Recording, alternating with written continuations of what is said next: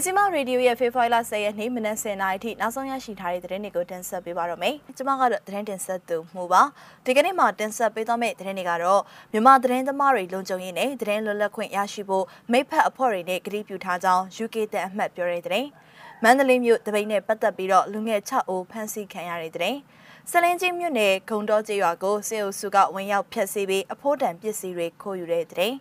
ကာတွန်းဟန်လေးရဲ့ရုပ်အလောင်းကိုနေရက်ပင်လုံမြို့မှာတကြိုမဲဆိုတဲ့တဲ့အဆရှိတဲ့သတင်းတွေကိုတင်ဆက်ပေးသွားမှာပါ။ဦးဆောင်တဲ့အနေနဲ့မြန်မာသတင်းသမားတွေလုံခြုံရေးနဲ့လွတ်လပ်ခွင့်ရရှိဖို့မိဖက်အဖွဲ့တွေနဲ့ကတိပြုထားကြောင်း UK တန်အမှတ်ပြောတဲ့သတင်းကိုတင်ဆက်ပေးကြပါမယ်။ မြန်မာသတင်းသမားတွေလုံခြုံရေးနဲ့သတင်းလက်ခွင့်ရရှိဖို့မိဖက်အဖွဲ့တွေနဲ့ကတိပြုထားကြောင်းမြန်မာနိုင်ငံဆိုင်ရာ UK တပ်အမတ် Peter Bowers ကပြောကြားပါတယ်။မီဒီယာတွေအနေနဲ့အရေးကြီးတဲ့သတင်းတင်ဆက်မှုတွေကိုဆက်လက်လှုပ်ဆောင်နိုင်ဖို့အတွက်မြန်မာနိုင်ငံမှာရှိတဲ့သတင်းသမားတွေနဲ့လူခွင့်ရေးကာကွယ်ဆောင်ရှောက်သူတွေအတွက်အရေးပေါ်အကာအကွယ်ပေးဝန်ဆောင်မှုများစွာကို UK 8မှတက်စိတ်ကူညီဆောင်ရွက်ပေးလျက်ရှိတယ်လို့တပ်အမတ် Peter Bowers ကပြောကြားပါတယ်။အရေးကြီးသတင်းတွေမျှဝေနိုင်ဖို့နဲ့မြန်မာစစ်တပ်ရဲ့လုပ်ရက်တွေကိုဖော်ထုတ်ဖို့စွန့်စားလှုပ်ဆောင်နေတဲ့မြန်မာသတင်းသမားတွေကိုအသိအမှတ်ပြုအင်အားသင့်ကြောင်းတန်အမှတ်ကဆက်လက်ပြောကြားပါတယ်။သတင်းမီဒီယာအလုပ်တွေလှုပ်ဆောင်ယူနေအသက်ဆုံးရှုံးခဲ့ရသူတွေဖန်ဆီးနှိပ်စက်ခံရသူအလုံးကိုကျွန်တော်ဂုဏ်ပြုလိုပါတယ်ဆိုပြီးတန်အမတ်ပီတာဘော်ဝတ်ကပြောကြားပါတယ်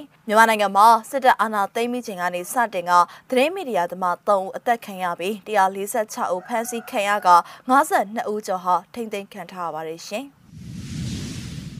ဆက်လက်ပြီးမန္တလေးမြို့တပိန်းနဲ့ပတ်သက်ပြီးတော့လူငယ်6ဦးဖမ်းဆီးခံရတဲ့တဲ့ရင်ကိုတင်ဆက်ပေးကြပါမယ်။မန္တလေးမြို့ဆရာနာရှင်ပြုတ်ကြရေးတပိန်းမှာပါဝင်တယ်လို့ဆိုပြီးတော့လူငယ်6ဦးကိုစစ်ကောင်စီတပ်ကမနေ့ကညနေပိုင်းမှာဖမ်းဆီးသွားခဲ့ကြောင်းသိရပါတယ်။အာနာရှင်စန့်ကျင်ရေးလှုပ်ရှားမှုတွေကိုဖော်ပြပေးနေတဲ့ Facebook လူမှုကွန်ရက်စာမျက်နှာတစ်ခုကလည်းအင်အားအများပြားနဲ့ပိတ်ဆို့ပြီးဖမ်းဆီးသွားပါတယ်။နမိတ်မေးခြင်းတွေတိခတ်မှာသက်ဆိုင်သူတွေရှောင်နေပါဆိုပြီးဖော်ပြထားပါတယ်။မန္တလေးမြို့မှာလည်းစစ်ကောင်စီကအတင်းအကျပ်ဖမ်းဆီးစစ်ဆေးမှုတွေပြုလုပ်နေတဲ့ဂျာကမနေ့ကနေ့လယ်ပိုင်းကမန္တလေးတပိတ်အဖွဲ့ဦးဆောင်တဲ့အာနာရှင်စန့်ကျင်ရေးတပိတ်ပြုလုပ်ခဲ့ပါသေးတယ်ရှင်။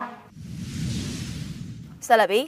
ဆလင်းကြီးမြို့နယ်ဂုံတော်ကြီးရွာကိုစေအုပ်စုကဝင်ရောက်ဖျက်ဆီးပြီးအဖိုးတန်ပစ္စည်းတွေခိုးယူတဲ့အကြောင်းကိုတင်ဆက်ပေးကြပါမယ်။စကိုင်းတိုင်းဆလင်းကြီးမြို့နယ်ဂုံတော်ကြီးရွာကိုအကြမ်းဖက်စေအုပ်စုကဝင်ရောက်ဖျက်ဆီးပြီးတော့ပြည်သူတွေရဲ့နေအိမ်တွေကိုဖောက်ထွင်းကအဖိုးတန်ပစ္စည်းတွေကိုခိုးယူဖျက်ဆီးခဲ့တယ်လို့ဆလင်းကြီးမြို့နယ်သတင်းအမှန်ပြန်ကြားရေးကဖော်ပြထားပါတယ်။ ဖေဖော်ဝါရီလ10ရက်နေ့မှာအကြံဖက်စေအုပ်စုဟာအင်အား60ခန်းနဲ့ကြေးရွာအတွင်းကိုဝင်ရောက်ပြီးအခုလိုလူရက်ခိုးယူခဲ့တာဖြစ်တယ်လို့သိရပါတယ်။အကြံဖက်စေအုပ်စုဟာစကိုင်းတိုင်းအတွင်းမှာပြည်သူတွေနေထိုင်တဲ့ကြေးရွာတွေကိုအကြောင်းမဲ့ဝင်ရောက်စီးနေပြီးအပြစ်မဲ့ပြည်သူတွေကိုဖမ်းဆီးနှိပ်စက်တပ်ဖြတ်တာနေအိမ်တွေကိုမိရှို့ဖျက်ဆီးပြီးတော့အဖို့တန်ပစ္စည်းတွေကိုလူရက်တာတွေစတိုက်လှုပ်ဆောင်နေပါတယ်ရှင်။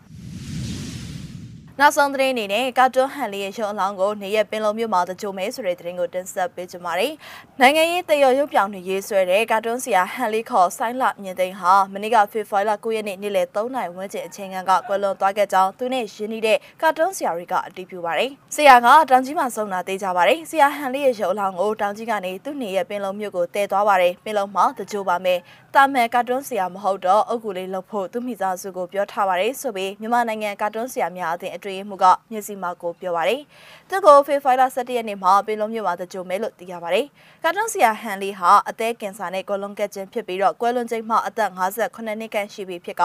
ဆွဲဆောင်ရပညာရှင်တအိုးဆုံးရှုံးခဲ့ရမှုအတွက်ကာတွန်းဆရာအတိုင်းဝိုင်းမိတ်ဆွေတွေပြည်သက်တွေနဲ့ရင်းနှီးသူတွေကဝမ်းနည်းကြောင်းစာတွေကိုသူတို့ရဲ့လူမှုကွန်ရက်စာမျက်နှာပေါ်မှာအသီးသီးဖော်ပြထားပါတယ်။ကာတွန်းဆရာဟန်လီဟာ1988ခုနှစ်မှာမြန်မာဆိုရှယ်လစ်လမ်းစဉ်ပါတီအစိုးရကငွေဆက်ကူတွေဖျက်သိမ်းခြင်းမှာနိုင်ငံရေးမှာစတင်ပါဝင်ခဲ့ပြီးတော့1988မှာတောခိုကရှမ်းတက်မတော် SUA ကိုဝင်ခဲ့ပါတယ်။သူရဲ့ပထမဆုံးကာတွန်းကိုလည်း1988ခုနှစ်မှာရေးဆွဲခဲ့ကြောင်းသိရပါတယ်။ကာတွန်းဆရာဟန်လီဟာ2010ခုနှစ်မှာနယူးယောက်အခြေစိုက်လူခွင့်ရေးလေးလာစောင့်ကြည့်အဖွဲ့ HRW ကချီးမြှင့်တဲ့ယုံကြည်ချက်အမြင်တွေကိုဖော်ထုတ်တဲ့စာပေအမှုပညာရှင်တွေကိုပေးရတဲ့ Hellman Handmade အမည်ရှိတဲ့ဆုကိုလည်းရရှိခဲ့ပါသေးတယ်ရှင်။ မြစီမရေဒီယိုရဲ့ဖေဖိုင်လာ10ရက်နေ့မနက်10:00နာရီထိနောက်ဆုံးရရှိထားတဲ့သတင်းတွေကိုတင်ဆက်ပေးခဲ့တာပါ။နားဆင်ပေးခဲ့တဲ့အတွက်ကျေးဇူးတင်ပါတယ်ရှင်။